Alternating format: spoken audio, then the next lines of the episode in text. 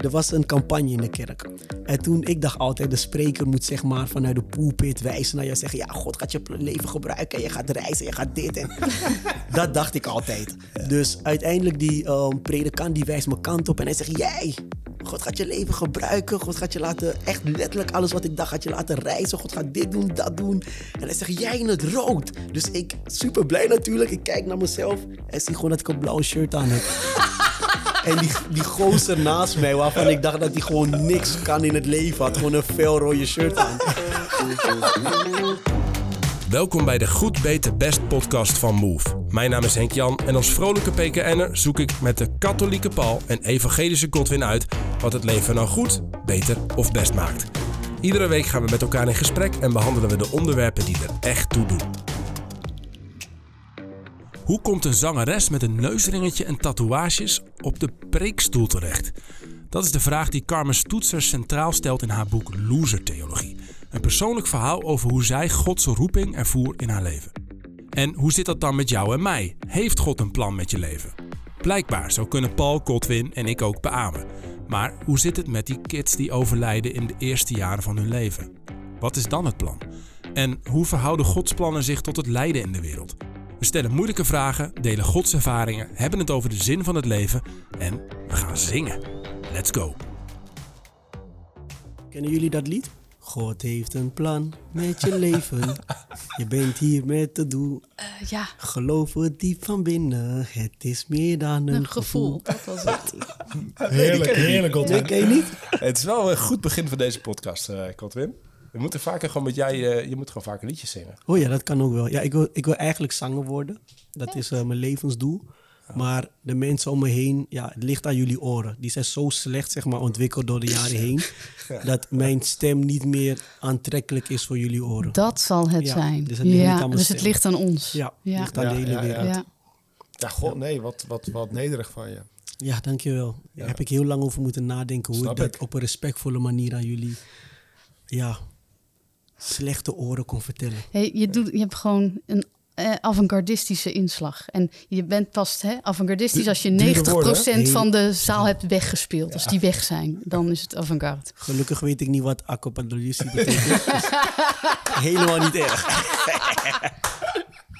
Want eh, naast, eh, wij- wij horen hier de zeer gewaardeerde dominee Carmen, mag ik je zo noemen? Ja, Carmen? zeker. Ja, dominee Carmen. Ehm 32, net moeder geworden. Dus je, begint je begint weer een beetje eh, met werken nu. Ja, ik ben een aantal weken geleden begonnen en ik vond het eh, eigenlijk ook alweer een verademing. Ja? Ja, ik eh, bedoel, tuurlijk, mooie periode. Hè, thuis zijn, je kindje leren kennen. Maar ik merk dat mijn wereldje er wel erg klein van werd. En dat ik op een gegeven moment erg verlangde om ook gewoon weer mijn eigen ding te doen. En in de gemeente aan het werk te zijn. Dus ja, ik heb het gemist. Gods plan voor jou is geen huisvrouw. nee. nee. Oké. Nou, wellicht dat we nog andere woorden krijgen. Dan, eh, dan, eh, dan geven we ze door. Nee, te gek. En we gaan het hebben met jou. We hebben een beetje met elkaar... we- je hebt een tijdje terug heb je met Move meegewerkt. Heb je een portretje. Eh, we zien jou ook. Je hebt een boek geschreven recent. eh loser, theologie, loser Theologie. Theologie voor losers. Ja. Eh, dat spreekt ons sowieso wel aan. Ons drieën. Oh ja. ik betrek hem ook even op mezelf. Ik wilde hem eigenlijk eerst even. Maar nee. Heel nederig. Ja, heel nederig van me. Ehm, eh, je bent gewoon, je, je bent een integrerend mens. Je hebt een, eh, een, een wonderlijke levensgeschiedenis, ook een weg met God gegaan. Eh, je zit hier eh, met een neusringetje, eh, 32. eh, je had ook nog, we begonnen net over gekleurd haar. Dat is nu even iets minder, ja. maar dat komt wel weer terug. Ja, Wat wordt het volgende kleurtje? Ja, ik weet niet, misschien blauw. Blauw. Ik zie wel. Oh, nice. Het is ook mooi, toch? Zou dat bij jou in de, in de kerk kunnen? Een, een, een vrouwelijke predikant met een neusringetje en blauw haar? Blauw haar? Ja, nu wel. Ik denk vroeger niet. Nee? Nee, maar nu wel. Ja, ja. Nou, je bent welkom in, eh, eh, in de ja. Belmer. Ja, ja, ja, kom zeker langs. Ja, Heel leuk. Nu, nu kan het. Ja, ja zeker. Ik heb laatst ook gepreekt met een eh, gescheurde broek, dus eh Kijk, jullie me helemaal hip. met banen gewoon weg, hè? Ehm, en we waren met je ook een beetje op zoek, want je hebt met van alles te maken gehad. Dus ook met, nou, je hebt een boek geschreven ook over waarom God er dus ook is voor verliezers. Je, eh, je hebt met vooroordelen te maken gehad. Dus er valt met jou zoveel te bespreken. Maar Sanne en ik, de redacteur, zaten voor- vooraf nog te denken, eigenlijk deze week nog van... We proberen altijd iets van een vraag centraal te zetten waarvan we zelf het gevoel hebben van ja, dat, dat begrijpen we niet helemaal of we snappen niet of vinden het belangrijk. En toen dachten we, ja, Gods plan met je leven. En hoe vind je dat en hoe werkt dat? En is er eigenlijk zoiets als een godsplan met je leven? En ik ben er zelf eigenlijk nog niet helemaal over uit. Ik ben heel benieuwd wat Paul en Godwin daarover denken. Maar met name ook, uh, ook jij, uh, Carmen. Want um, je bent wel een weg gegaan dus. Zou, zou je eens willen um, schetsen in grote lijnen um, hoe jouw leven... Je bent nu 32, hoe je, je, je, op een gegeven moment ben je een beetje puber af. Hè, en dan ga je je leven vormen, denk ja. ik. Hoe heeft dat er in grote lijnen uitgezien? Uh, ja, als puber kreeg ik al meer afstand uh, met de kerk. Ik vond het te vaak gaan om uh, hè, wat allemaal uh, niet mag, wat je vooral niet moet doen. En dat je sterk binnen de lijntjes moest kleuren. En het waren gewoon te strakke hokjes waarin ik me op een gegeven moment niet meer thuis voelde. Terwijl ik dacht, ja, het gaat toch veel meer om wat je wel moet doen. Hè, radicaal mensen liefhebben, Jezus achterna gaan. Uh, ja, dus er ontstond al meer afstand. Uiteindelijk verwaterde mijn geloof dus ook. Want ik dacht de hele lange tijd, ik kan het wel zonder die kerk. Maar zonder is ook wel lastig. Um, en ik ben uh, de muziekwereld ingedoken. Ik heb een tijd uh, op het conservatorium gestudeerd. Uh, was aan de ene kant een hele mooie tijd. Dus jij kan wel zingen tegen stem Ja, ik kan wel zingen. Sorry. Godwin. Mensen willen wel naar mij luisteren. Thanks, Carmen. Ja. Zometeen even een zanglesje. Ja. Um, Oké, okay, staat. We ja, eindigen met zangles voor Godwin. Is okay. goed. Um, uh, maar ja, die wereld is wel heel hard, heel competitief. Um, en daar ontwikkelde ik enorme faalangst. Uh, uiteindelijk durfde ik naar hele lessen niet meer te gaan. Uit angst dat ik gewoon het verkeerde antwoord zou geven. Of dat ik iets niet zou weten. Of dat ik iets niet goed zou doen. Dus ja, er vielen steeds meer gaten. Steeds meer vakken die dus niet werden gehaald. Ja, en op een gegeven moment hield het gewoon op. En heb ik echt, ja, belandde ik echt in een gat. Dat ik dacht, ja, maar wat nu dan? Hm. Want je hangt je identiteit heel erg op aan je studie of je werk. En wat je doet. Ja. ja. Als mensen vragen, hè, je ontmoeten, vragen ze meteen, uh, wat doe je? Ja. En dat, dat is blijkbaar wie jij bent. En ik wist toen dus helemaal niet meer wie ik was of waar het heen moest. En op een gegeven moment heb ik ervaren dat steeds dat idee in me opkwam van, ja, misschien moet ik theologie gaan studeren. Hm. Wat ik echt een achterlijk idee vond. Want ik was al jaren niet eigenaar de kerk geweest. En ik wilde helemaal geen predikant worden. Maar dat bleef maar komen. En op een gegeven moment had ik door, volgens mij is dit van God. Ja, joh. En met de tijd groeide ook dat verlangen. Maar ik was wel bang. Ik dacht, ja, maar ik kan dit helemaal niet. Ik ben helemaal niet geschikt voor.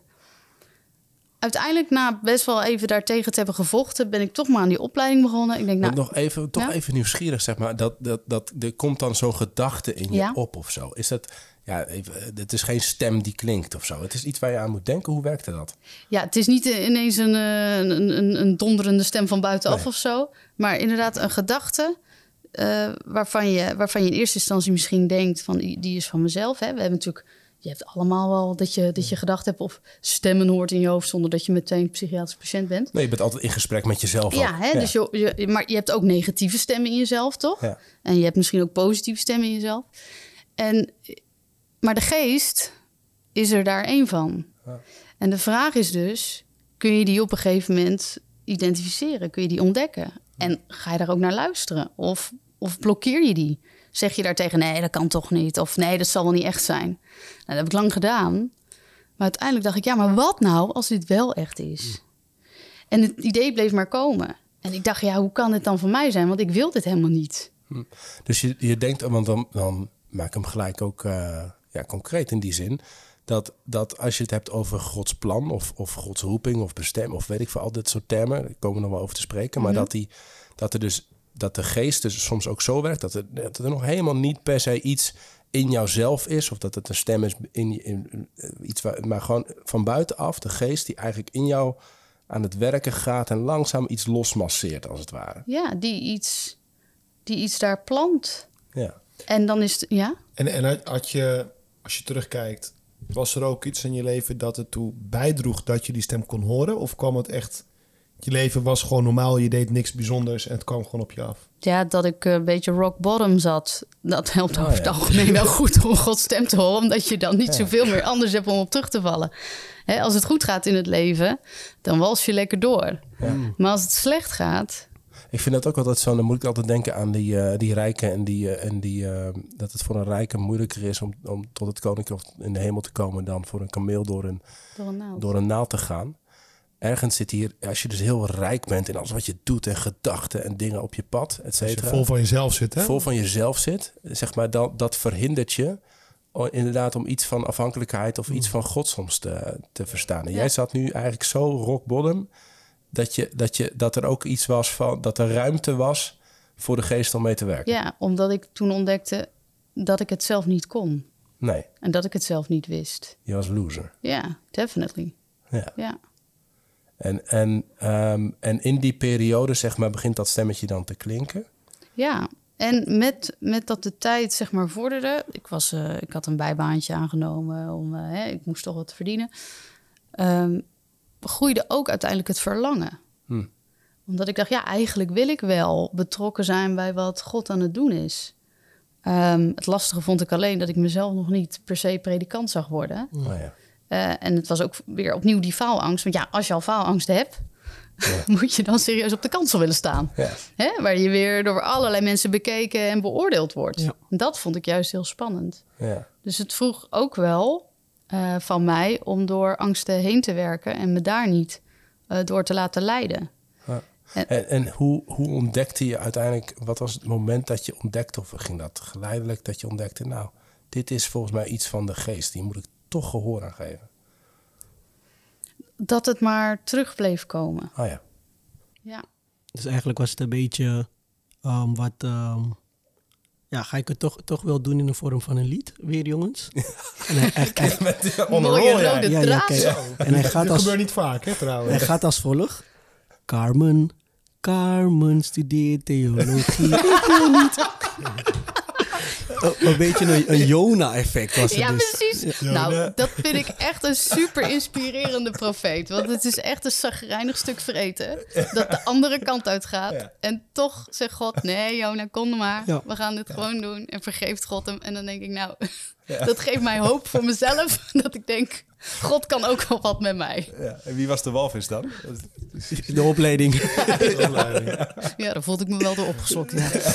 ja. Het is trouwens wel, wat, wat, wat wel interessant is, is dat ik heb ook in mijn ontdekking van de roeping, heb ik ook de ervaring gehad dat er een bepaalde gedachte blijft terugkomen, ja, terwijl ik die eens helemaal niet wilde. precies. En wat vertelde even, in, in, mensen kennen jou inmiddels een beetje van de podcast, maar Carmen misschien niet. Je, Ja, dus eh, zelf ben ik, eh, heb, ik, eh, heb ik ervaren dat God mij heeft geroepen tot een celibatair leven. En wel in een katholieke spiritualiteit, het Opus Dei. En die keuze heb ik, laten we- nou het is een keus, maar ik ervaar het echt als een roeping. Die roeping Ja. heb ik omarmd. Eigenlijk had ik de keuze al gemaakt op mijn zestiende. Dus ik was nog echt een, eh, een oude puber. En het kwam wel toen ik echt een leegte ervoer van binnen. Van, goh, ik heb weer behoefte om, om mijn relatie met Jezus serieuzer Ja. eh serieuzer op te pakken. Dus ik begon ook, eh, ik kon vaker naar de heilige mis te gaan, stil gebed. Ik ging ook naar iemand toe, een wijs eh, iemand die, voor wie ik veel respect had voor geestelijke begeleiding, regelmatig, om te praten over de dingen van mijn ziel. En ik ervoer steeds meer vreugde en vrede, maar tegelijk ook een onrust. Mm. En er kwam een vraag, kwam steeds meer binnen, want ik had gewoon het verlangen van, ja, ik wil de dag van morgen een mooie vrouw vinden met wie ik mijn leven kan delen en een gezin, et cetera. Dat is wat ik op dat moment meer op de lange termijn als, eh, als mijn verlangen ervoer. Ja. Maar ik had het idee van, oeh, volgens mij heeft God een ander plan voor mij. En ik vond dat reuze eng en ik had er helemaal geen zin in. Precies, ja. Dus, dus je gaat, maar tegelijkertijd wil je niet de weg die je aan het bewandelen wil je loslaten. Want je ervaart wel, dit is de moeite waard. Hè? Om zo dicht bij God te leven, om, het, om gewoon heel ja, dicht en was dat bij jou dus ook zo'n stemmetje? Wat, want je, je hebt die geestelijk begeleider, die gaf jou op een gegeven moment ook een vraag mee, weet ik. Hè? Of die, Ja. die vroeg daarna. En dat maakte iets los en vervolgens is dat gaan, gaan borrelen, zeg maar. Is het, is het... Nou, het kwam al voordat hij naar vroeg. Eigenlijk ervoer ik zelf al van... Op een gegeven moment in mijn stil gebed... eh, ik, ik nam ook gewoon verschillende onderwerpen mee naar het gebed. Soms was dat meer bijvoorbeeld persoonlijke groei, vertrouwen op God... eh, een bepaalde deugd, zoals de nederigheid of de oprechtheid. Dus ik probeerde in mijn stilgebed ook verschillende aspecten... van het Ja. christelijk leven te overwegen met God... en in stilte naar hem te luisteren. Maar ik ervoer dat als ik kwam bij het onderwerp roeping... Mm. dan voer ik echt eh, een awkward feeling. Want ik, Zullen we daar op- maar even niet bij stilstaan, God? ja, dat gevoel. precies, Ja. precies. Want ik merkte op een of andere manier, en ik, het is niet een puur een gevoel, het is ook niet een soort gedachte, het is gewoon een bepaalde onrust. Een urge ook. Ja, een urge van, van je, je- ik ervoer gewoon de geest, laat me, het is gewoon, je ziet iets. Misschien is dat het. Je ziet iets niet met de ogen, Maar je ziet gewoon een bepaald gebied en ik nee, dat, dat, die deur gaan we niet openen. En, maar die onrust is niet verkeerd. Het is een onrust die, die gewoon dingen in beweging brengt. Ja, Misschien een soort licht die in een kamer schijnt. En dat je meteen merkt van oei, er is heel wat in deze kamer. Maar ik weet niet. Ja. want ja, aan de ene kant hoor ik bij jou was er verlangen, maar aan de andere kant dus ook een soort strijd. Want het vraagt dus ook Ja. dat je iets opgeeft. Hè? Dus je, krijgt iets terug, maar vaak ja, moet je ook weer iets achterlaten. Ik moet denken aan de, de rijke jonge man van het Ja, evangelie. nou, daar zat ik dus serieus Ja. in mijn reis hier naartoe ook aan te denken. Ja, mooi. Dat ja, ik- nee, dat. hè? Ja. Van, ja, en Jezus kijkt hem liefdevol aan en die hoopt dat hij ja zegt. Maar hij, hij kiest er dus voor om het niet te doen. Ja. Ja. Want hij had vele goederen. Ja. Dan hebben we het ook bij dat rijk zijn, waar je het eerder over had. Ja, Je moet dingen loslaten. Als je in de put zit, is dat denk ik ook makkelijker. zeker. Of, maar ja, je zit in de Ja. put, dus dat is ook weer heel complex soms. Ja. Maar eh, ja, anyway. Ja. Ja. Sorry, ik had het. Ik wilde jou eigenlijk vragen, en daarna wil ik hem wel aanvullen. Hoe heb jij dat ervaren? Like, de roeping. Heb je het überhaupt ervaren? Ja, ja, jawel. Ik heb er wel een, eh, met het een plan van God voor je leven, zeg maar. Ik heb daar wel een soort van mixed feelings bij of zo, bij die term. En, en hoe dat dan werkt. Dus ik ben heel benieuwd of we daar inderdaad vandaag met elkaar wat meer duidelijkheid in kunnen krijgen. Kijk, ehm, er is een soort van, eh, ik zal het ook persoonlijk maken hoor, maar de, er is een soort van, je kunt achteraf je leven een beetje een soort van terug reconstrueren en daar dan een soort van verhaal van maken. We zitten al helemaal in een cultuur waar we overal nergens een soort van hero's journey en een verhaal op plakken en zeggen, en dit is, dit is het plan, het plan en de plek en, en dit is voor ons leven en ons leven heeft een soort van koers en we hoeven dat alleen maar een soort van te, uit te lopen, dat. Ja. En eh, die associatie hebben denk ik veel mensen. En dat had ik ook wel een beetje bij het plan van God. En dan denk ik, even cru gezegd... wat is het plan van God voor een, voor een baby van twee weken die, die overlijdt? Of voor een kind in Afrika die sterft van de honger? Ja. Of wat, of, ehm, of eh, weet je... ehm, eh, dus, dus ik denk dat, dat, er dat... Ik geloof niet zo in een, in een God die een soort van plan heeft uitgedokterd... Ehm, en, en waarop wij dan zeg maar eh, op moeten lopen. Een soort, ik, las, ik las ergens een, een god als een soort tom-tom. Ja, precies. Die, die, eh, de, die alleen maar hoeft te volgen in welke richting. En als je verkeerde afslag maakt, dan doe je wat fout. En dan, als je dan wat fout doet, dan noemen we dat ook nog een zonde. En dan ga je jezelf heel erg... Ik zit niet op Gods pad of zo, weet je. Dat gevoel. Terwijl ik denk, ja, zo werkt het leven helemaal niet. Het leven is gewoon rommelig en messy. En dat heb Ja. ik ook meegemaakt. Dat, eh, in, mijn- in mijn 35 jaar, dat het gewoon... Ja, dat je alle kanten eh, soms opkronkelt en gaat en zijpaden inslaat en weer teruggaat. En wat mij betreft mag dat allemaal, zeg maar. En Maar het ene sluit het ander toch niet uit, denk Jan? hoe bedoel je? Nou, het kan toch wel echt zijn dat je op een verkeerd pad zit. Ja, ehm, ja maar, maar, dat wat je ook is dan... gewoon, dat je ook weer terug kan komen en dat God je alsnog probeert om. Ja, maar wat is dan- geeft je ook weer Ja. een, een alternatieve weg, bijvoorbeeld. Ja, dat, dus eh, oké. Ehm, maar dan, wat is dan het pad? En wat is dan het, een, een verkeerd pad ook, denk ik? En ik denk, ik las daar dus, dat heb ik zelf, en dat merk ik in jullie verhalen nu ook wel, wel zo ervaren, is dat God je op sommige momenten ehm, eh, probeert wakker te schudden. Ehm, dat er momenten zijn, eh, het zijn er niet heel veel in je leven soms, maar aangrijpingsmomenten waarop de geest en God wat kan. En, en vaak inderdaad als je diep zit. Dus ik heb ook momenten meegemaakt dat ik 26, 27 was. En dat ik daarvoor eh, tien jaar lang allerlei studies had gedaan. En over de wereld gereisd. En achter de vrouwen aangezeten. En weet ik veel wat en allemaal. En God had losgelaten. En, ehm, en, en eh, ik heb dat wel eens vaker verteld. God heeft, bij mij was het minder een soort van zachte stem of een overtuiging. Bij mij was het gewoon pats, boem, een droom. Dat was gewoon boem. Ja. Eh, dat.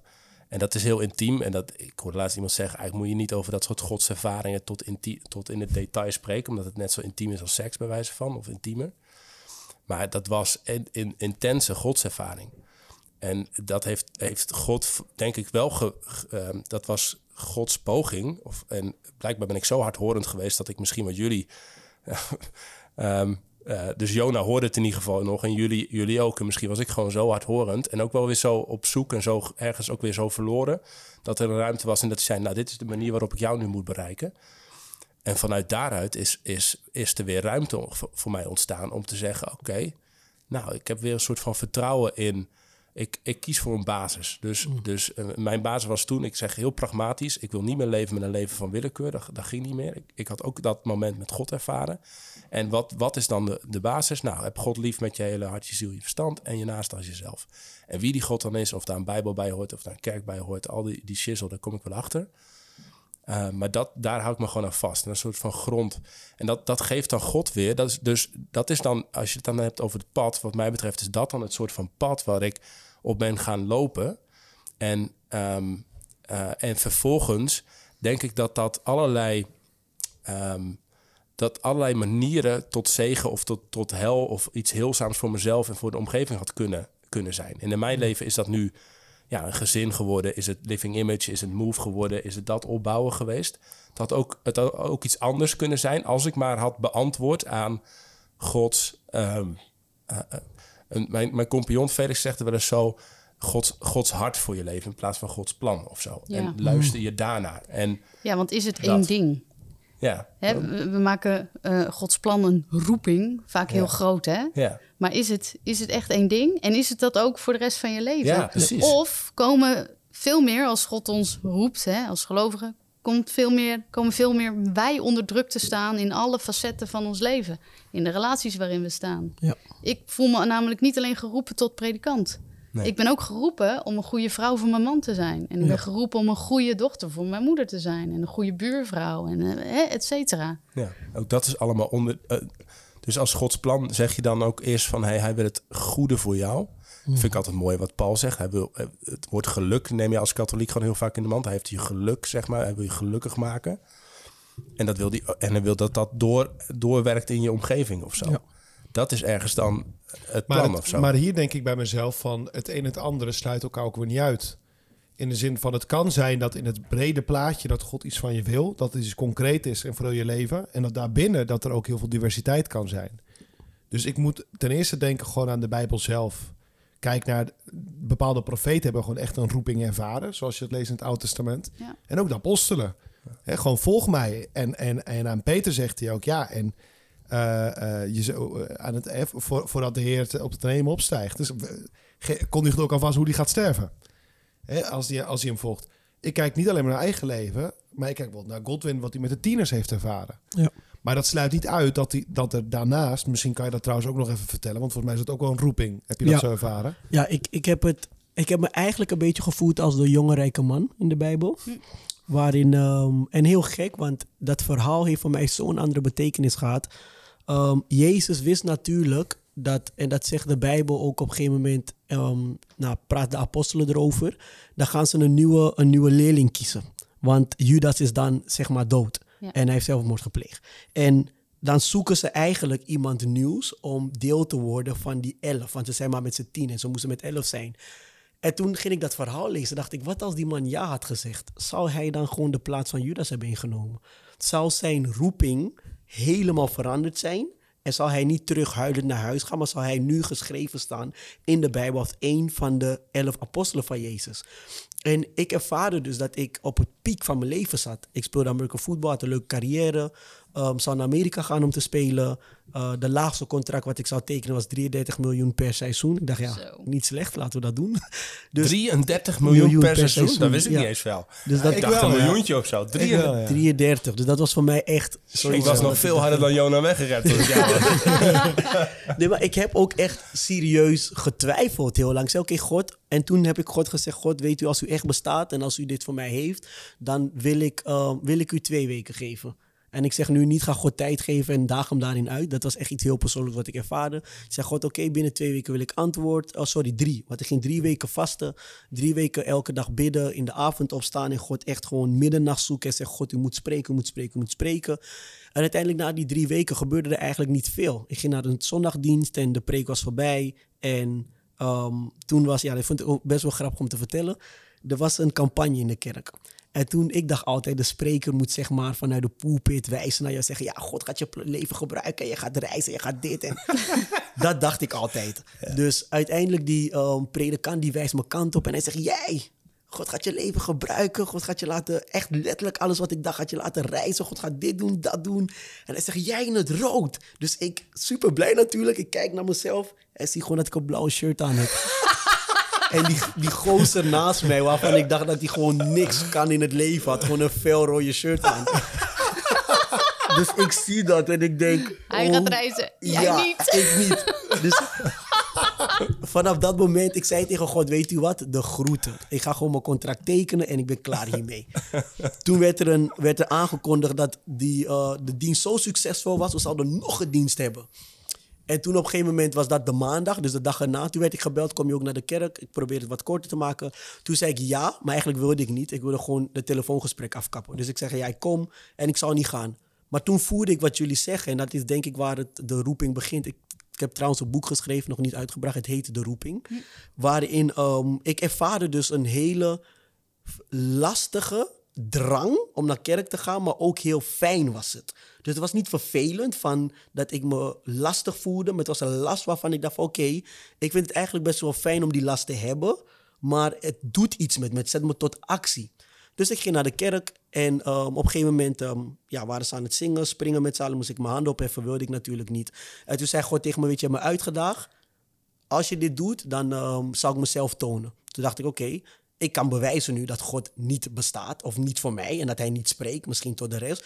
Dus ik ga het doen en na een paar minuten loop ik weg en dan heb ik het bewezen, weet je. Dan ben ik klaar met die discussie. Dus ik naar voren ga en ze zongen een Zuid-Afrikaans lied. Uh, mijne, mijne, mijne, mijne, Jezus is mijne. Mijn ziel zegt, ja, iedereen springen en ik naar voren, ik heb mijn handen zo op, ik doe mijn ogen dicht. En na twee minuten zeg ik, oké, is goed. Dit zit, wat ik voel niks. En ik wil weglopen. En voor het eerst had ik een ontmoeting met de Heer Jezus. Echt gewoon gigantisch mooi. Ik uh, begon te huilen, te lachen. Het was zo overweldigend, lichamelijk ook, dat ik op een gegeven moment zei van oké, is genoeg, stop maar, ik begrijp het. Ik zal u niet meer uitdagen. Maar wat, wat ik mooi vond is, ik kreeg ook een droom. Een hele heldere visioen. En dat was dat ik een huis zag vol met tieners. En die kwamen heel depressief erin en gingen heel blij eruit. Dat is wat ik zag. En um, waar ik toen op een gegeven moment ben gaan, nu ik erover terugdenk, ben ik gaan geloven in seizoensgebonden roepingen soms ook. Ja. Ik geloof dat we soms geroepen zijn voor een bepaald seizoen, voor een bepaalde taak en daarna door moeten. Want ik ben toen niet gelijk, en daar kom ik straks op wat ik nu doe, ik ben niet gelijk uh, tieners in huis gaan nemen. Ik ben een tienerleider geworden toen de tijd. Ik heb een gigantisch grote tienerbediening gehad. En op een gegeven moment was het ook de tijd om te stoppen daarmee. Ben ik gestopt en toen vroeg ik God ook, wat nu? En toen moest ik me omscholen. Heel gek, want wat jij had, ik wilde me niet omscholen. Ik deed techniek toen de tijd. Ik kan heel goed lassen, dat is het enige wat ik ook kan. Voor de rest kan ik niks. Terwijl je in slaap valt? Ja, terwijl ik in slaap val uiteindelijk, ja. maar ik dacht, ik ga, um, ik ga onderwaterlasser worden. Dan verdien ik goud. Dat zeiden ze, je verdient goudstukken. Dus ik dacht, ja, ja. ik krijg gewoon elke maand een goudstukje zo. Uh, ik denk, prima. Ja, dat gaan we doen.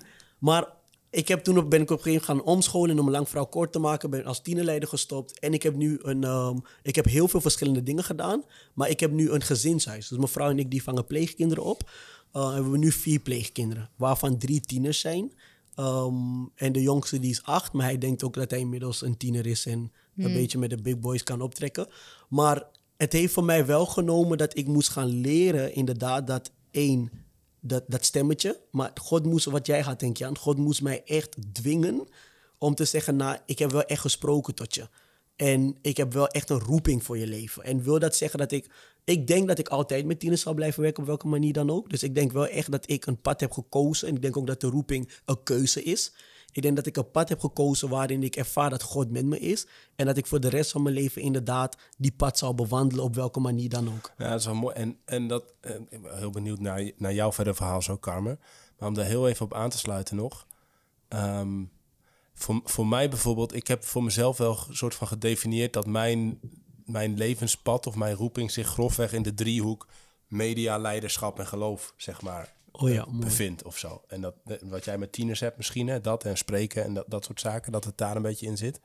En wat het dan precies is, het is nu Move Living Image en dat is denk ik wel mijn levenswerk, zo voelt dat wel nu en dat verder bouwen, maar uh, het kan ook nog op andere manieren ja, of zo. kan hè? veranderen. Ja. ja.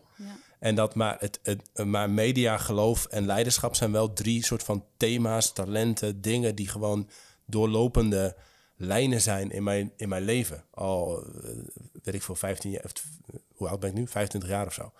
Dus, dus en, en dat, is, dat, dat helpt me wel, net zoals dit of zo, om te zeggen van nou, binnen bepaalde kaders, zeg maar, is dat ongeveer de plek waar God me zou willen hebben, denk ik of zo. Hoe heb jij, eh Carmen, want hoe ben jij... ehm, hoe heb je dat daarna gaan ervaren? Want je hebt op een gegeven moment dus die, die zachte stem gehoord... of die stem van de geest, zeg maar, verstaan... en gaan theologie gaan studeren. En toen? Ja, en toen had ik verwacht dat het, als het dan Gods plan was, of eh hè, Gods zegen eroverheen eh, zat, dat het dan ook allemaal vanzelf zou gaan. Maar dat was dus niet zo. Nee.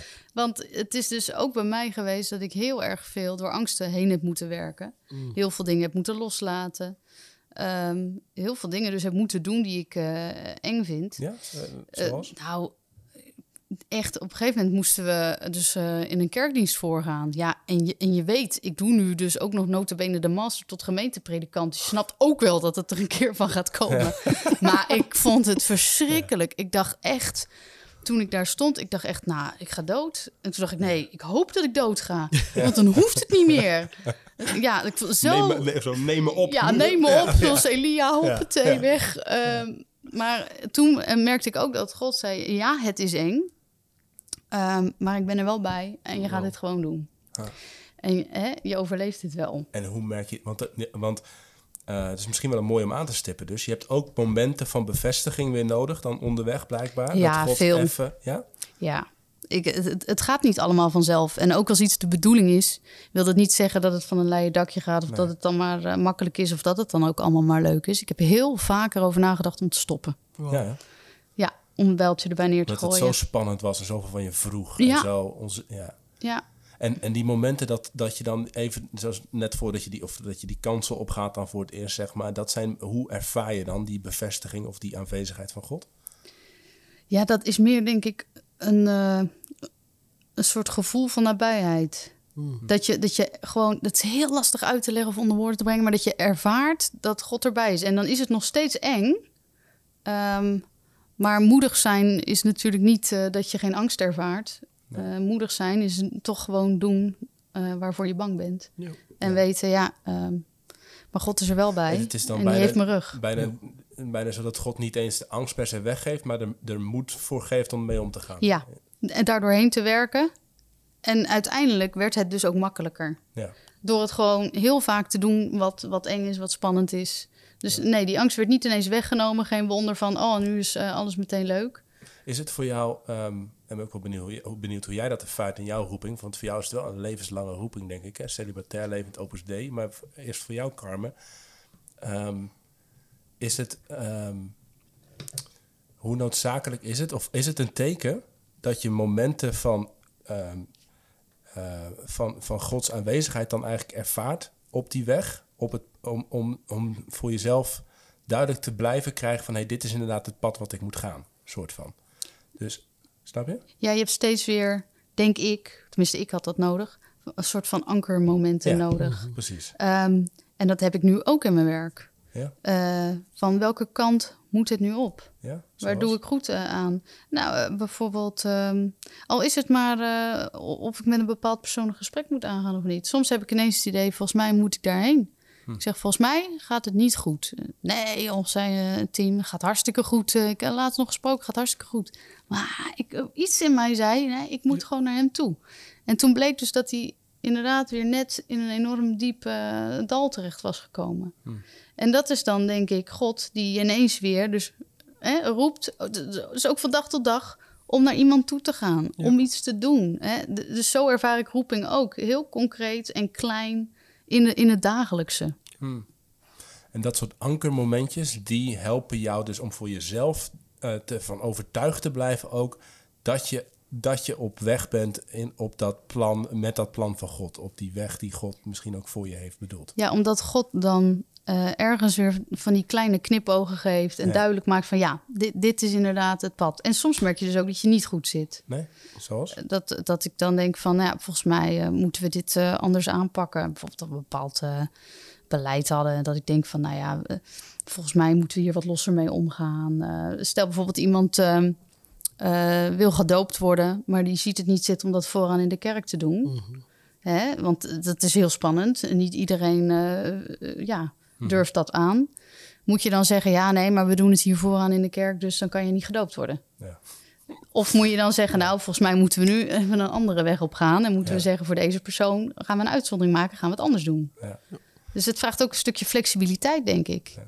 Godwin had hem gewoon een American voetbalstijl gewoon in een bad getackeld. Die Ja, ja.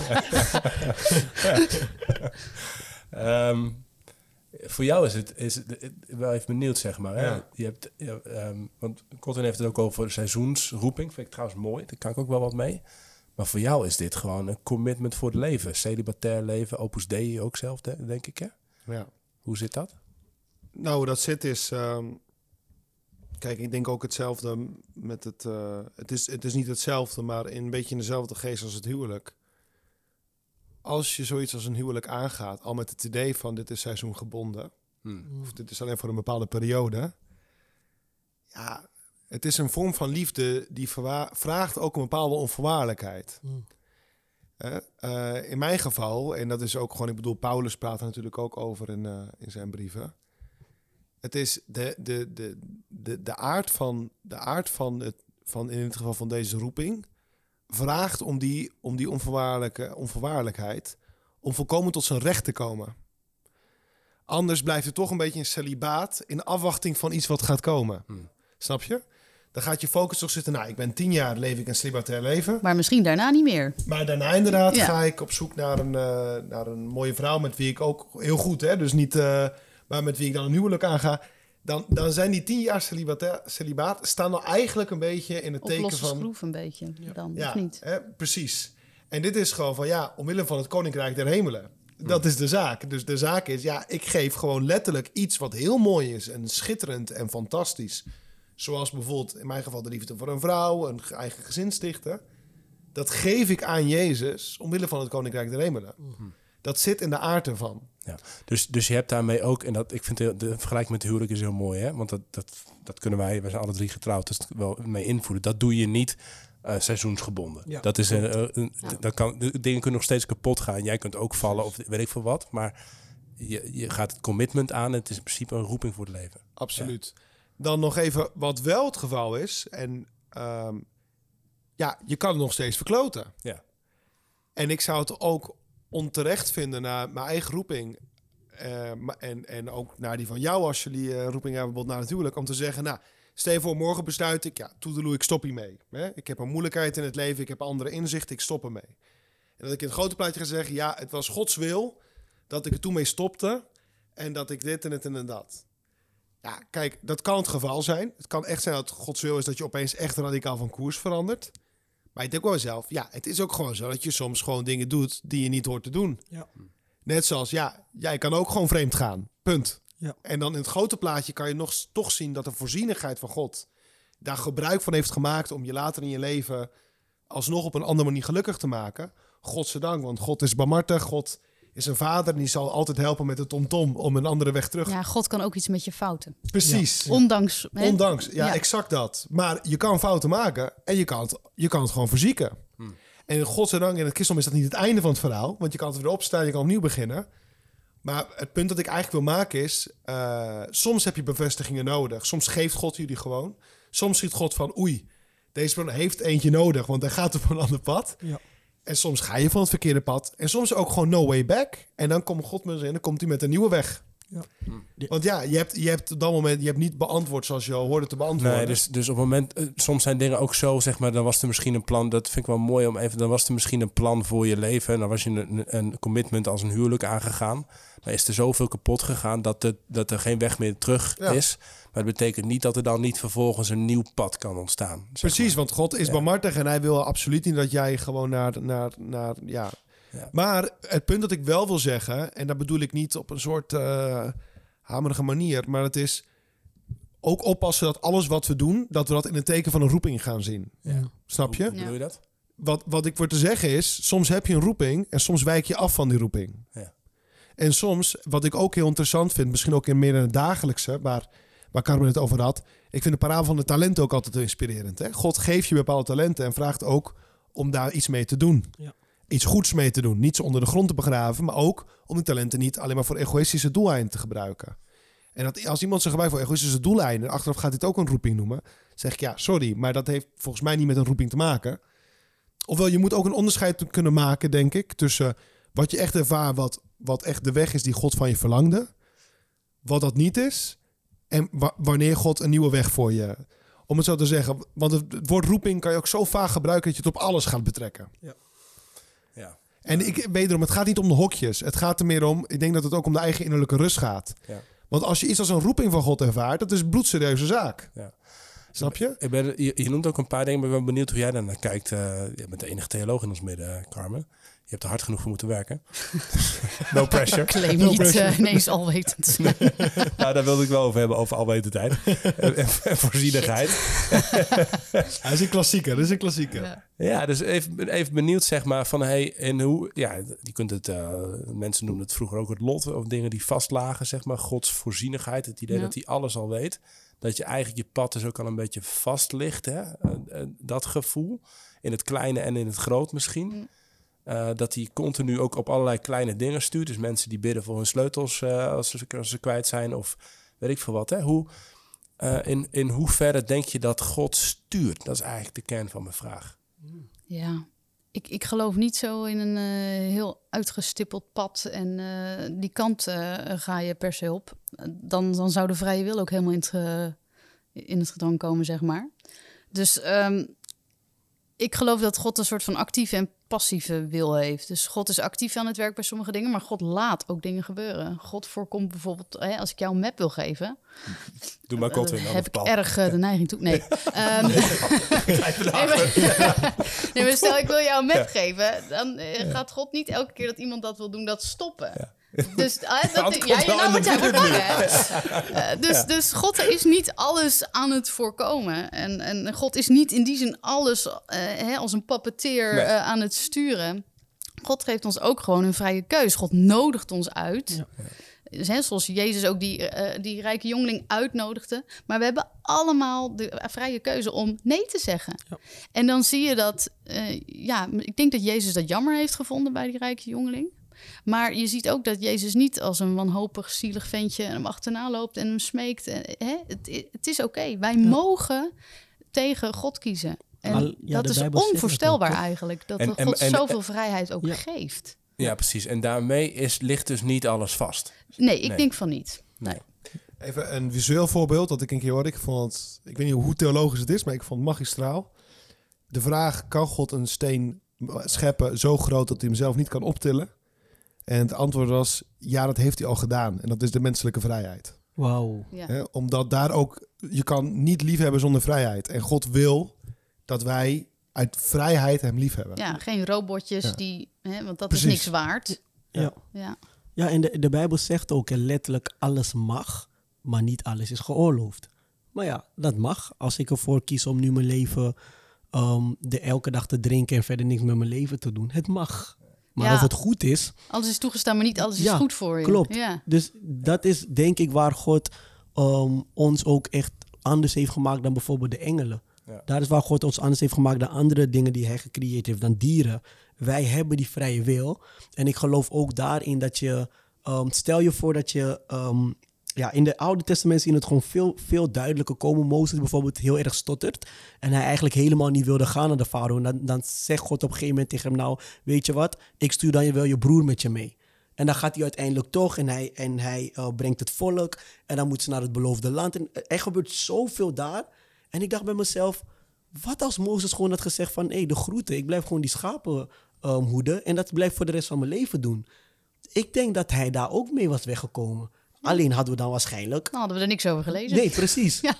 Dus het, maar het zou mogen. Zou dat Was Mozes... wel, een- was wel chillen geweest voor die farao.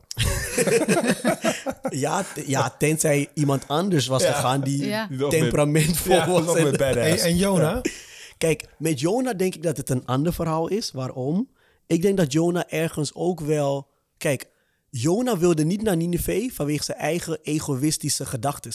Jona had zoiets van, ik mag ze niet, ik wil ze niet en daarom ga ik niet. Het had eigenlijk niet zoveel te maken, denk ik, met dat hij zoiets had van... nee, maar God, u roept mij en ik wil die roeping niet beantwoorden. Hij had gewoon een... Hij gunde het die mensen Nee, niet. hij, ja, precies. Ja. Hij had gewoon echt een oprechte haat ook naar hun. En op een gegeven moment lees je later ook in Jona... dat hij ook gewoon tegen God zegt... ziet u wel, ik had helemaal niet moeten komen. Maar die mensen luisteren toch niet. Dat van, ja, hij heeft het niet begrepen. Hij komt weer terug in die Ja, hij wordt op een gegeven moment vis. zelfs boos op God. Van, oh, ik wist het wel. Ja. U bent goed en u vergeeft ze. En daarom wilde ik niet komen. Daar is hij gewoon boos over. Terwijl hij zelf God ook vergeven vergeeft. wordt voor zijn ongehoorzaamheid. Precies. Dus bij hem denk ik dat het echt een heel ander verhaal was.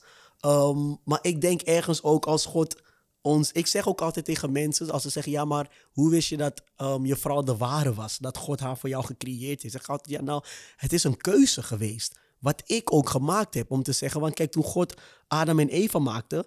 Hij maakte Eva als helper van Adam. En Adam zei die hele bekende ding wat we altijd bij huwelijken horen. Daarom zou een man zijn moeder en vader verlaten en naar zijn vrouw gaan. Dat was niet God, dat was Adam die dat zei.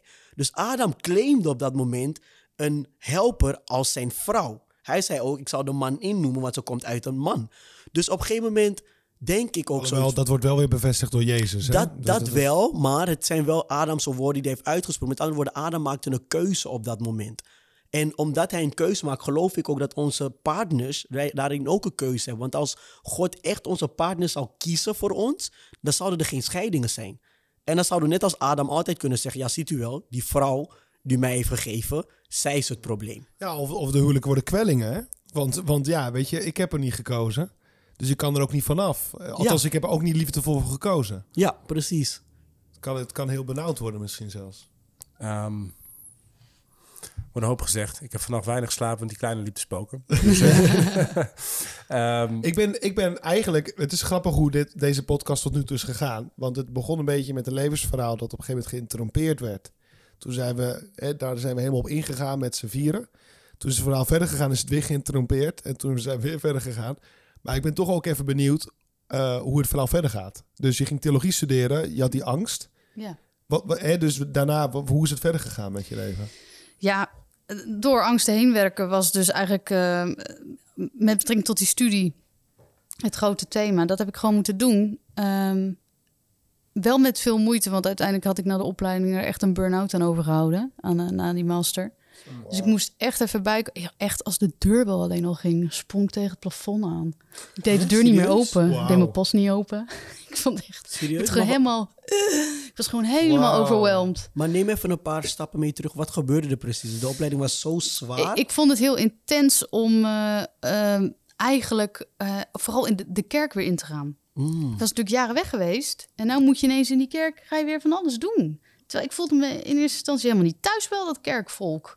Hè? Want ik voelde me anders. En eh, op de opleiding voelde ik me ook in eerste instantie anders. Gelukkig ontmoette ik later mensen waarvan ik dacht... oh, hé, hey, wacht, jullie zijn ook allemaal gek. Mooi. Ehm, hè? Dus dat, dat, dat hielp.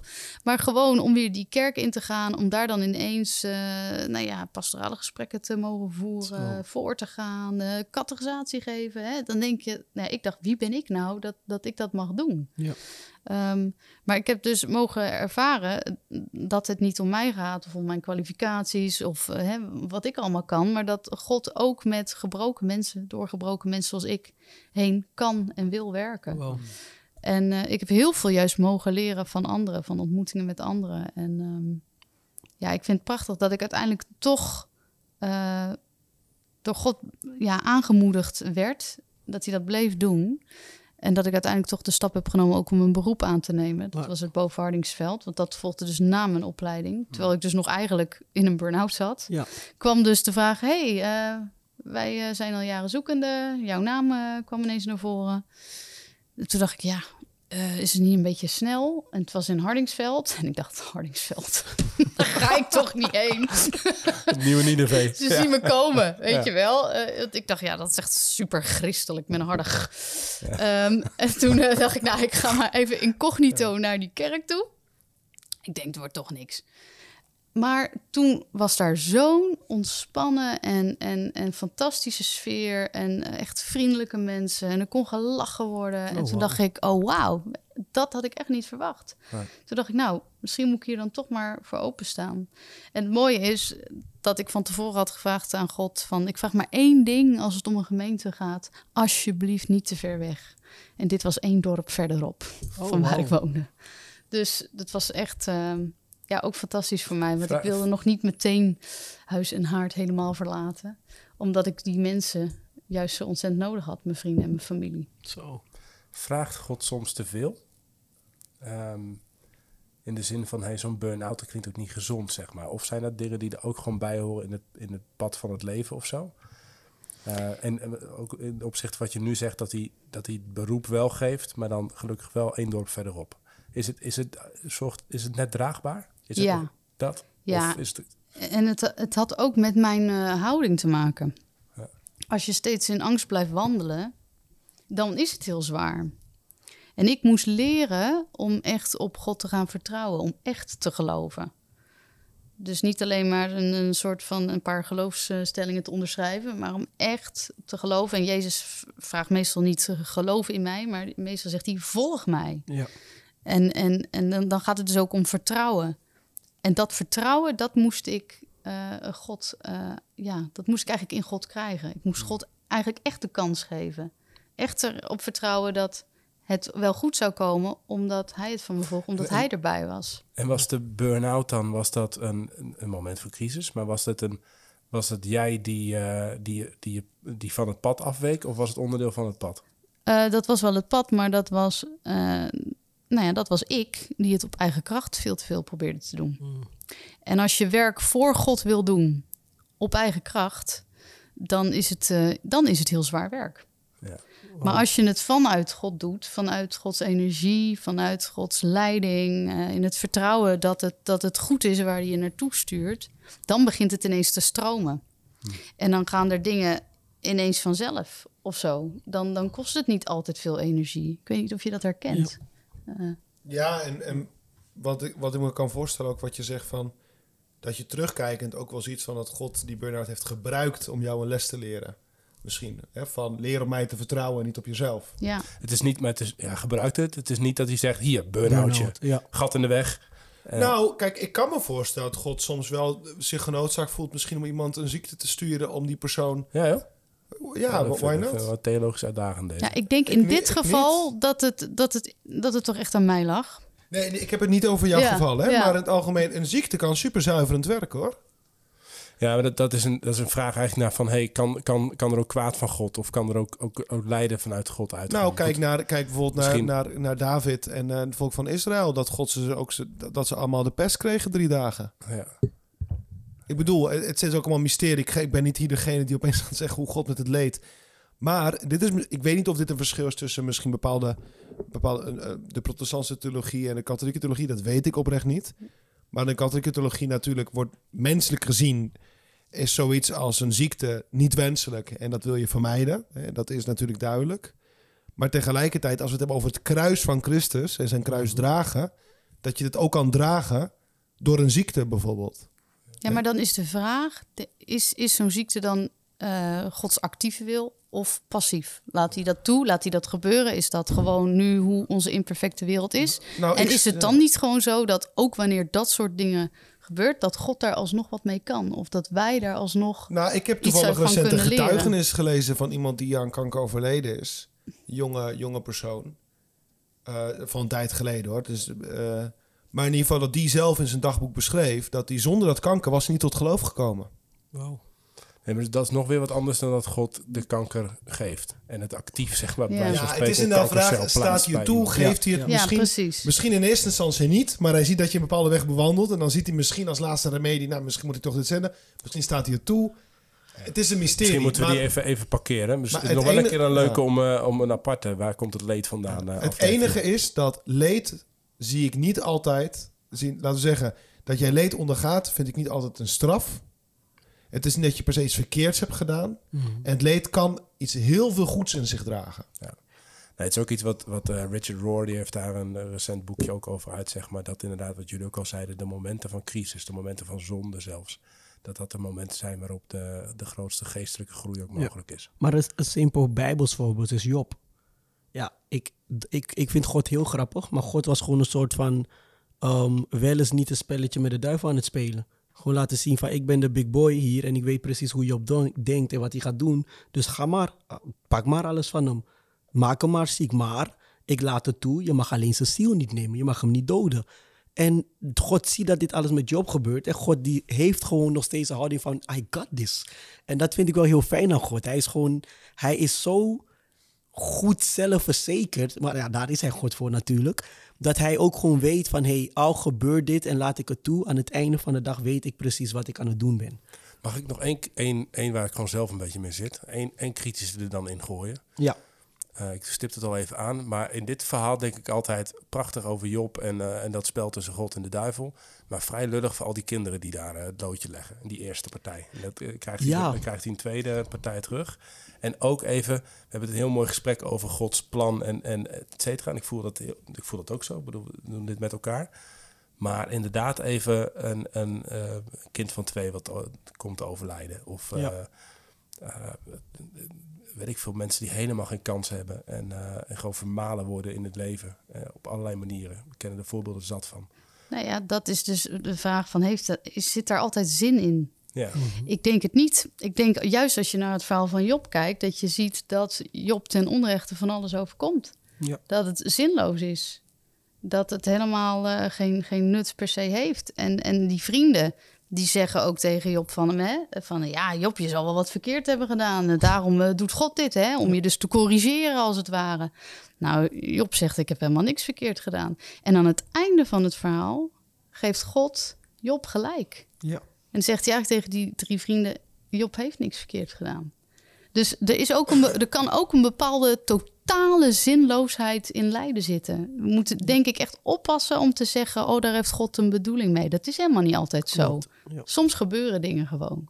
Nou, maar dat vind ik niet per se hetzelfde. Want aan de ene kant kan het zijn dat, dat iets op zichzelf gewoon... dat God het absoluut niet had gewild. Maar het kan wel zijn dat, dat, dat je het, le het leed alsnog op een zinvolle manier kan, kan, kan uh, dragen... Uh, en dat je de hoop niet kwijtraakt. Ja, maar je kan er wel iets uit leren. En God kan ook hopeloze situaties omvormen. Maar Ja. dat wil niet zeggen dat God dat per se voor jou heeft gewild. Dat dat Nee, het nee, plan nee, was. Dat bedoel ik. Ja, maar dan, dat is niet het, hetzelfde als zinloosheid. Bijvoorbeeld die kinderen.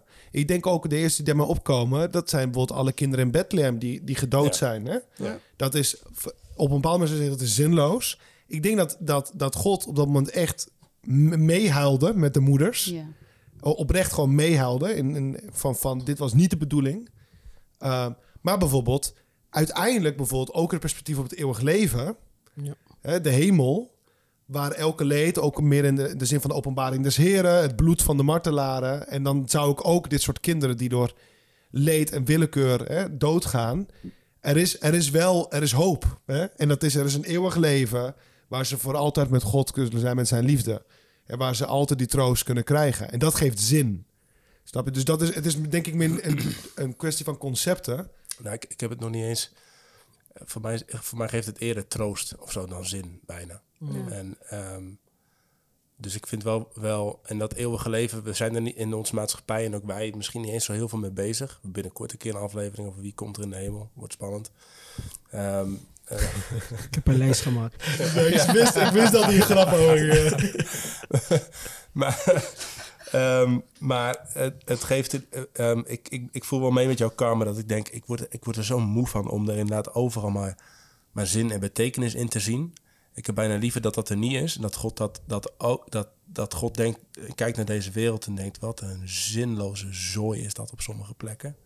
En dat hij dan zegt, kom maar bij mij. Of zo, tegen zo'n Oké, kind. maar dan zou ik wel willen, dan zou ik het zo willen stellen. Want het is, kijk, de zin van de dingen, nee, die kan je niet altijd ontdekken. En soms moet je ook niet de intentie hebben om af en toe een zin te vinden. Maar op het moment dat je zegt, dit is zinloos, dan neem je misschien ook een beetje plek van God in.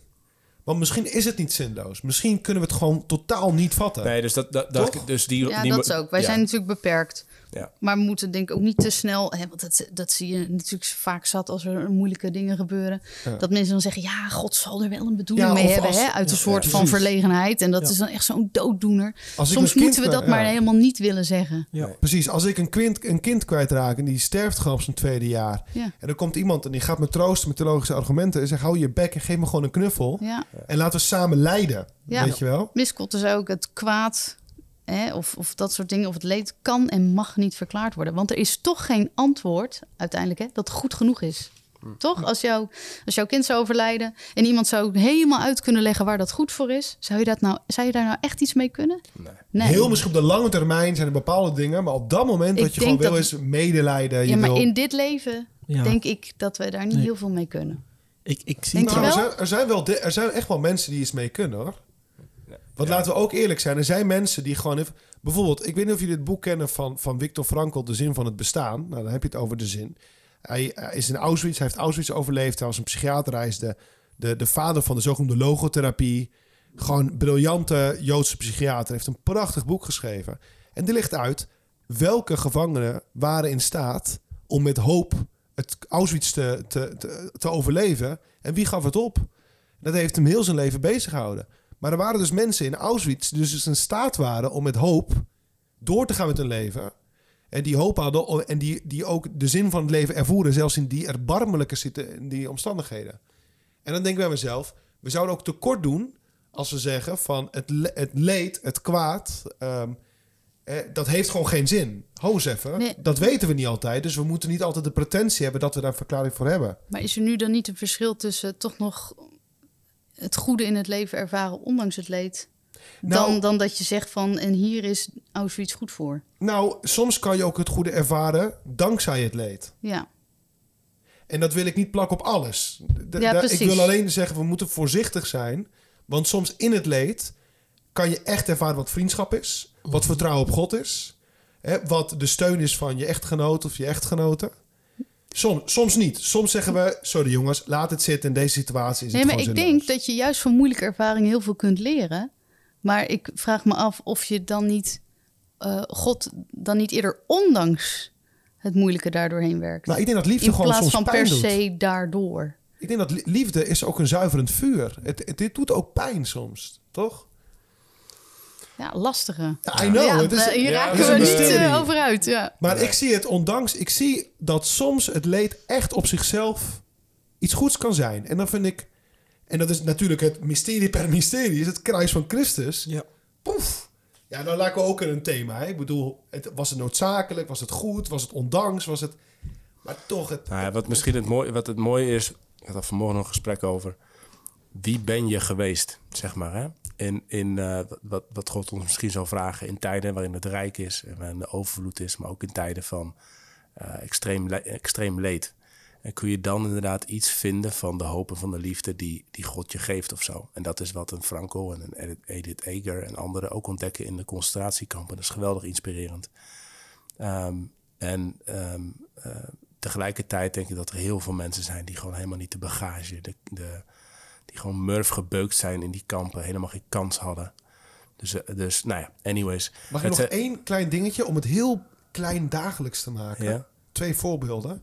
Godwin had het over een maand vasten. Jij heeft het in een Wake Me Up gehad over de koude douche. Feitelijk zijn dit hele kleine vormen van leed. Waar je iets goeds uit haalt. Ja. Dan is de vraag in hoeverre kan je toepassen. Maar dat zijn toch, al is het een klinkt het een beetje banaal. Iets als vasten is een bepaald leed wat je doet aan je lichaam. Bij wijze van. En het is echt niet te vergelijken met wat dan ook.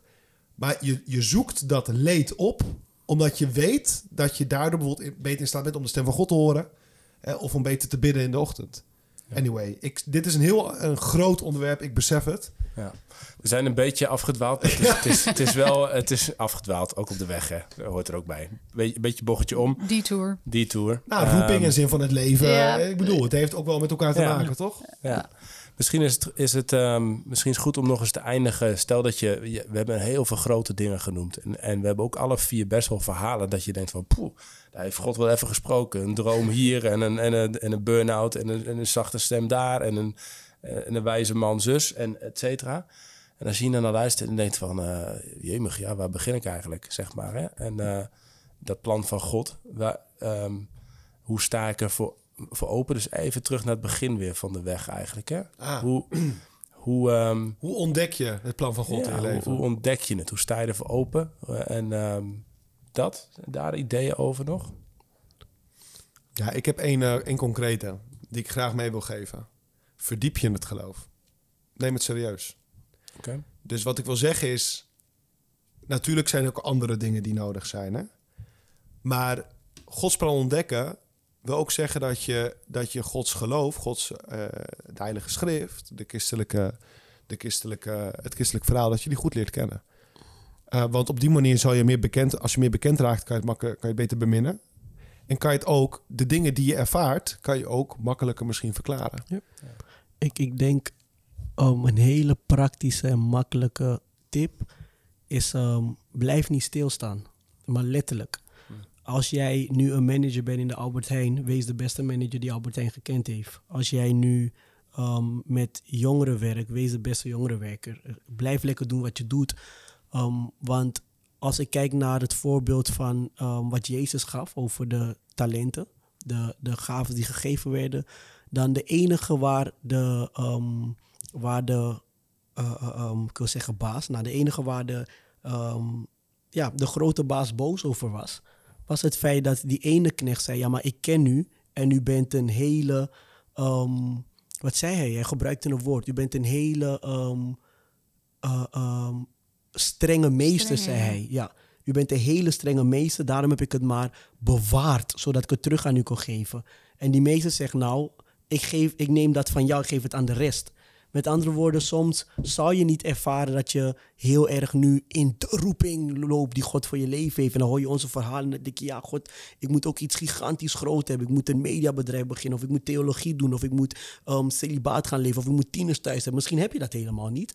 Maar blijf simpelweg doen wat je doet. Want ook de ene die um, maar drie had, had het ook vermenigvuldigd. De ene die vijf had het ook vermenigvuldigd. De ene die tien had ook. Dus daarmee wil ik zeggen, je hoeft niet altijd het gevoel te hebben... ik heb een gigantische roeping.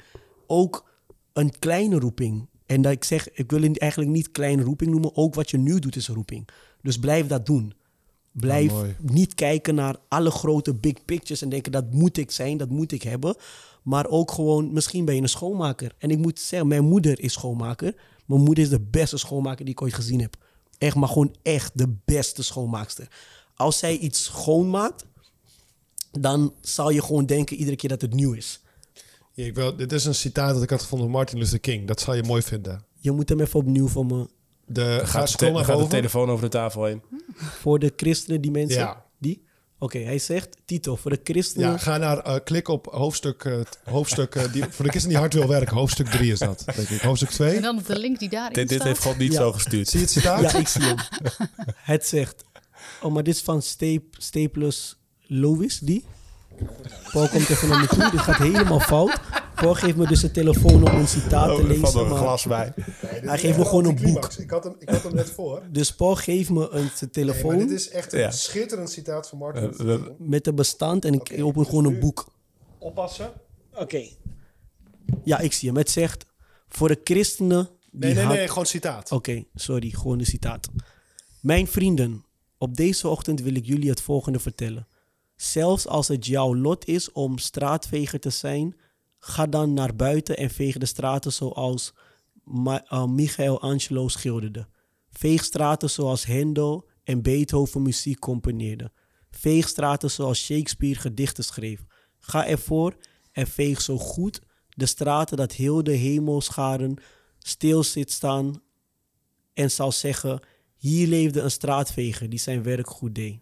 Martin Luther King. Wauw. Nou, dat, dat, dat- Hey, wauw. Ja, dus wat je doet, doe het Doe voor het God. Ja, nou, dat, vind ik een, dat is een hele mooie. En, en blijf daarin ook wel openstaan voor misschien verandering. Zeker ook als je- vroeg in je leven, zeg maar. Dus enerzijds blijf in beweging en doe wat je doet. Zeker, en doe dat goed. En anderzijds hebben wij ook wel met z'n vier ervaren... Dat, het, dat, het, dat, dat er soms gekke dingen op je pad kunnen komen... en dan Ja. dingen kunnen veranderen. Ehm, dus het zit ook daar weer ergens in, in een soort van balans. Maar ik vind het mooi om dit, te dit, dit te benadrukken. Ik moet nog even denken aan wat... ehm, eh, ik was laatst bij een, bij een lezing van Miroslav Volf. Dat is een hele beroemde theoloog. Oh, was je erbij? Ja, dat is te gek. jij ook? Nee, En, ik ehm, heb de podca een paar podcasten van geluisterd. ja. En hij zegt, een, wat is een goed leven? En, en ik denk dat Go- God een goed leven voor ons wil. Ehm, hij zegt, dat is een leven waarin we ons dezelfde staat de vraag stellen... wat zouden we moeten verlangen? En eigenlijk zegt hij dat begin en het antwoord is da- daarop een leven... Waar, gecenterd, ge, eh, ro- rondom iets wat, wat voor je, waar je alles voor wil opgeven. Of alles voor over Heel hebt. mooi. Dus, en, en dat hoeft helemaal niet. Dat klinkt dan ook weer heel groot. Martin Luther King die opkomt voor racisme. Of eh, Jezus die zijn leven verliest voor, aan het kruis. Of dat, hè. Maar het is volgens mij ook gewoon... Ben een mantelzorger? Ja. En, en, eh, en, en, kun je, en kun je dat, hè? En daarom is het ook zo wezenlijk als... voor- voor- bijvoorbeeld voor mantelzorgers... Als ze, als iemand, als ze die persoon verliezen, zeg maar. Daar, daarmee verliezen ze niet alleen die persoon... maar ook vaak hetgene waar hun leven op dat moment om draaide, zeg maar. Dus, maar het geeft, je- het geeft je leven wel zin. Het, het zet je op een pad, zeg maar. En, en, en dat, hè. En eh, nou, het kan ook je gezin zijn. Het, het, kan, het kan van alles zijn, volgens mij. Ja, schitterend. Ehm, dat is, dat, daar is, zit ergens wel. En, en laten we onszelf meer dat soort vragen stellen. En dus ook, ook als je op een pad terecht bent gekomen... waarin je gewoon heel veel bezig bent met uiterlijk of, of geld... Of, eh, dan moeten er misschien ook wel alarmbelletjes afgaan. En denken van, hey, is dit nou, heb ik nou iets gevonden? Heb ik nou een pad waarin, waarin, waarin ik iets van het hart van God proef... en iets heb om echt voor te gaan en voor te leven of zo? Hey, en twee, heel snel, twee. Eentje is dagelijkse stilte. Helpt heel veel. Ja. Gewoon momenten van stilgebed. Gewoon geen oordopjes, geen telefoon die rinkelt. Gewoon even de ontmoeting met God zoeken in de stilte. Ik denk dat dat zeker in deze tijd van heel veel prikkels... is Ja. dat eh, de Heilige Schrift rustig lezen, weet je wel. En het tweede, wat mij, dat heeft mij heel veel geholpen... en ik weet van heel veel andere mensen ook... dat is iemand die je, die je ook een geestelijke buddy of begeleider... het kan zijn de dominee van je kerk... het kan zijn een goede vriend of een ervaren gewoon iemand in het geloof. Iemand maar iemand bij wie je ziel kan openen en dat je ook soms kan delen. Goh, ik, heb, ik loop al tien dagen met deze gedachte en ik weet niet of het van God komt of van mezelf. Ja, een klankbord heb je Een nodig. klankbord. hè? Kan, Ja. me, hel- kan jij me helpen om dit te onderscheiden? Ja. Of ik merk dat ik een beetje vastloop of in een cirkeltje loop. Heb jij tips hè, om, Ja. om eruit te komen? Dus we, we zijn ook gewoon relationele wezens. We zijn, we zijn relaties. En door relaties leren we onszelf en God ook veel beter kennen. Nog, nog een laatste, dan ben ik heel benieuwd. En het laatste woord voor Carmen. Dan gaan we nog zingen trouwens. Ja, dat- Oh, help. Dan, moet, moeten we een lied verzinnen. jongens. Wat eh, er staat ook op wat raakt je? Waar, waar word je boos van of wat raakt je? Of wat eh, dat hè? Daar, daar, eh, waar ben je goed in? Dat soort dingen. Daar sluit God vaak ook op aan, denk Ja, ik. In het pad heel van je mooi. leven. Ja. Ehm, Carmen, even terug naar jou nog. Je bent nu predikant. Je staat daar in, in Hardingsveld. Ehm, nou, je ziet er redelijk gelukkig uit. Ja. Maar ben je het ook? Klopt het? Ben je, heb je het gevoel dat dit, dat dit nu het pad is waar je het ja. juiste pad is? En, en niet eh, eh, tegen mijn zin in of zo. Hoewel ik er eerst tegen gevochten heb, was dat dus meer uit angst dat het niet zou, hè, dat ik het niet zou kunnen. Eh, en niet zozeer dat ik het ook echt niet wilde of inhoudelijk helemaal niet zag zitten.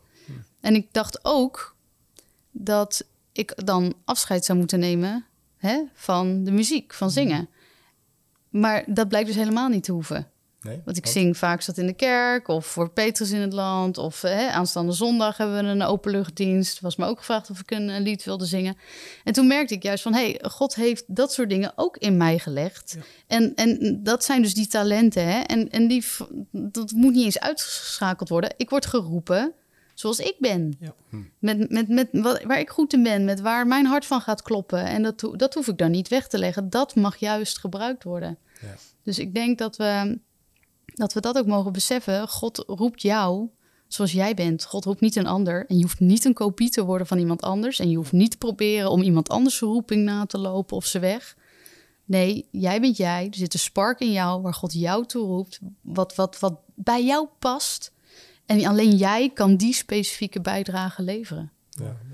Dus het moet ook in die zin, het moet op een gegeven moment ook wel, je kunt een tijd hebben, heb ik ook wel meegevraagd, van je eh, echt moet, moet groeien en ook een beetje moet afzien soms en moet zoeken, et cetera. Maar uiteindelijk is het ook wel een soort van, van lakmoesproef van, hey, is dit heelzaam? Past dit? Is, eh, eh, niet eens voelt dit goed, maar is dit verbonden met mijn essentie of zo? Ja. Dat, dat. Dus eh, ook, ook dat om te herkennen of je op de, op de juiste, eh, juiste weg bent. Ja. Het geweten helpt ook veel bij, hè? Ja. Ja. Om dat onderscheid te kunnen maken. Gaaf. Wat is het leukste wat je nu eh, mag doen in het leven? Aan deze roeping, aan deze weg? Deze dat je weg, denkt, Wat is het leukste dat ik mag doen? ja, of... eh, Wauw, dat is een goede vraag. Je man luistert mee, dus... eh, Ja, die weet hoe eerlijk ik ben. dat is hij zelf ook. Het leukste is dat ik ehm, zoveel mag leren van andere mensen. Zoveel liefde mag geven, maar ook mag ontvangen. wow. Dus in verbinding staan met anderen. God mag ervaren door anderen. En zelf ook iets van God mag geven. Ja, Gaaf. Thanks. Nou, dan gaan we zingen. We gaan Yes. zingen. Wat gaan we zingen? ja wat Hoe gaan, we zingen? Ik stel voor dat Carmen een, eh, een lied zingt die we allemaal kennen. Ja, welke is dat dan? Ehm, welk lied kennen we allemaal, jongens? Ja. Kijk, hun hebben echt een hele vieze smaak van muziek. Ach, Echt gewoon bitter. Ik denk dat dat wel Wij meevalt. houden, wij houden van metal en rock onder andere. En daar houdt Daar is niks mis mee. Nee, ja, I Nee, know, metal maar en rock niet, maar de soort muziek wat ze luisteren is gewoon... eh. Nee, ik zet, ik zet Metallica vast even Ja, op. Maar, precies. eh, Ja, Metallica precies. is echt koning. Ja. Maar Carmen, Maar Carmen, misschien wat je, wat je aanstaande zondag gaat zingen. Ja, Ja, maar dat is een... eh, Maar dan zing je zo a Oh, we zingen, we, zingen, wel nou, we zingen ook nog trouwens een, een, een lied van Adele. Eh, to Make You Feel My Love. Oh, Dus dat is de, dat lied. Dat was dat lied. Dat is een cover van Bob Dylan, toch? Ja, klopt. Maar Dat dan weten haar we. versie. Ja. Ja. Ja. maar het is een cover van Bob Dylan inderdaad. Ja, dat dat moeten we Bob eigenlijk wel even Bob heeft zeggen. wel Zielig voor Bob anders. Hè. Maar dat, Bob- ja, maar Bob heeft wel vaker meer aan weinig credits gekregen in zijn leven. Bob heeft wel vaker dat hij zo'n lied schrijft. En dat met, nu met zijn stem. En dan komt er iemand anders als Guns N' Roses of Adele. En, die, ma- en die maakt er gewoon een wereldberoemd lied van. Zullen we als, als jij hem inzet en dan luisteren we eerst even en Doe dan... even, dan even, even, even Ja, wat de lyrics, wat de Wat lyrics ik- erbij. Ik Ik dat zet ik hem ken je, hè? weet, ja, maar... ken ik het? To, uh, was you it? To make you feel my... Was het ook alweer? Ja, even kijken hoor. Ja, dit lied ken je zonder twijfel, Godwin. Ja, iedereen kent dit wel. When... Die. Ik heb hem hier wel. Even zien hoor. Hebbes, ja. Super. Google zegt nog Song by Adele. When the rain is blowing in your face. Ik ken hem, ja. And the whole world is on your case. I, could offer you a warm embrace To make you feel my love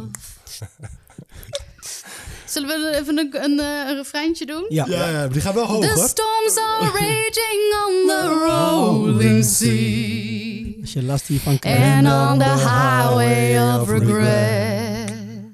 Boom, boom, boom, boom. The winds of change are blowing wild and free. You ain't seen nothing like me yet. I could make you happy, make your dreams come true. Yes, I could. No, there is nothing that I wouldn't do. Go to the ends of the earth for you. To make you feel my love. To make you feel my love. Nou, geweldig bedankt Carmen. Ik vond, het- ik vond het mooi. Ja, Ehm, dankjewel. En mocht je, we zeggen, we zeggen het vaak aan het eind van deze podcast, mocht je hier nou vragen over hebben, ergens tegenaan lopen, gewoon denken, joh, hoe zit dat? Val ons lastig. Dus eh, zoek Paul even op online of Carmen en eh, eh, Hardings, Hardingsveld, een pastorie of zo. Bel ergens aan. En, Of op eh, Insta, een Of op Insta. kan ook. Dat is handiger. Uh, Godwin of mij, stuur een een berichtje naar redactie.move.community. Dank voor het luisteren. Deel dit, je weet het. Eh, laten we dit vindbaar maken, want het is de moeite waard als mensen iets van, van het plan van God gaan ervaren, denk ik.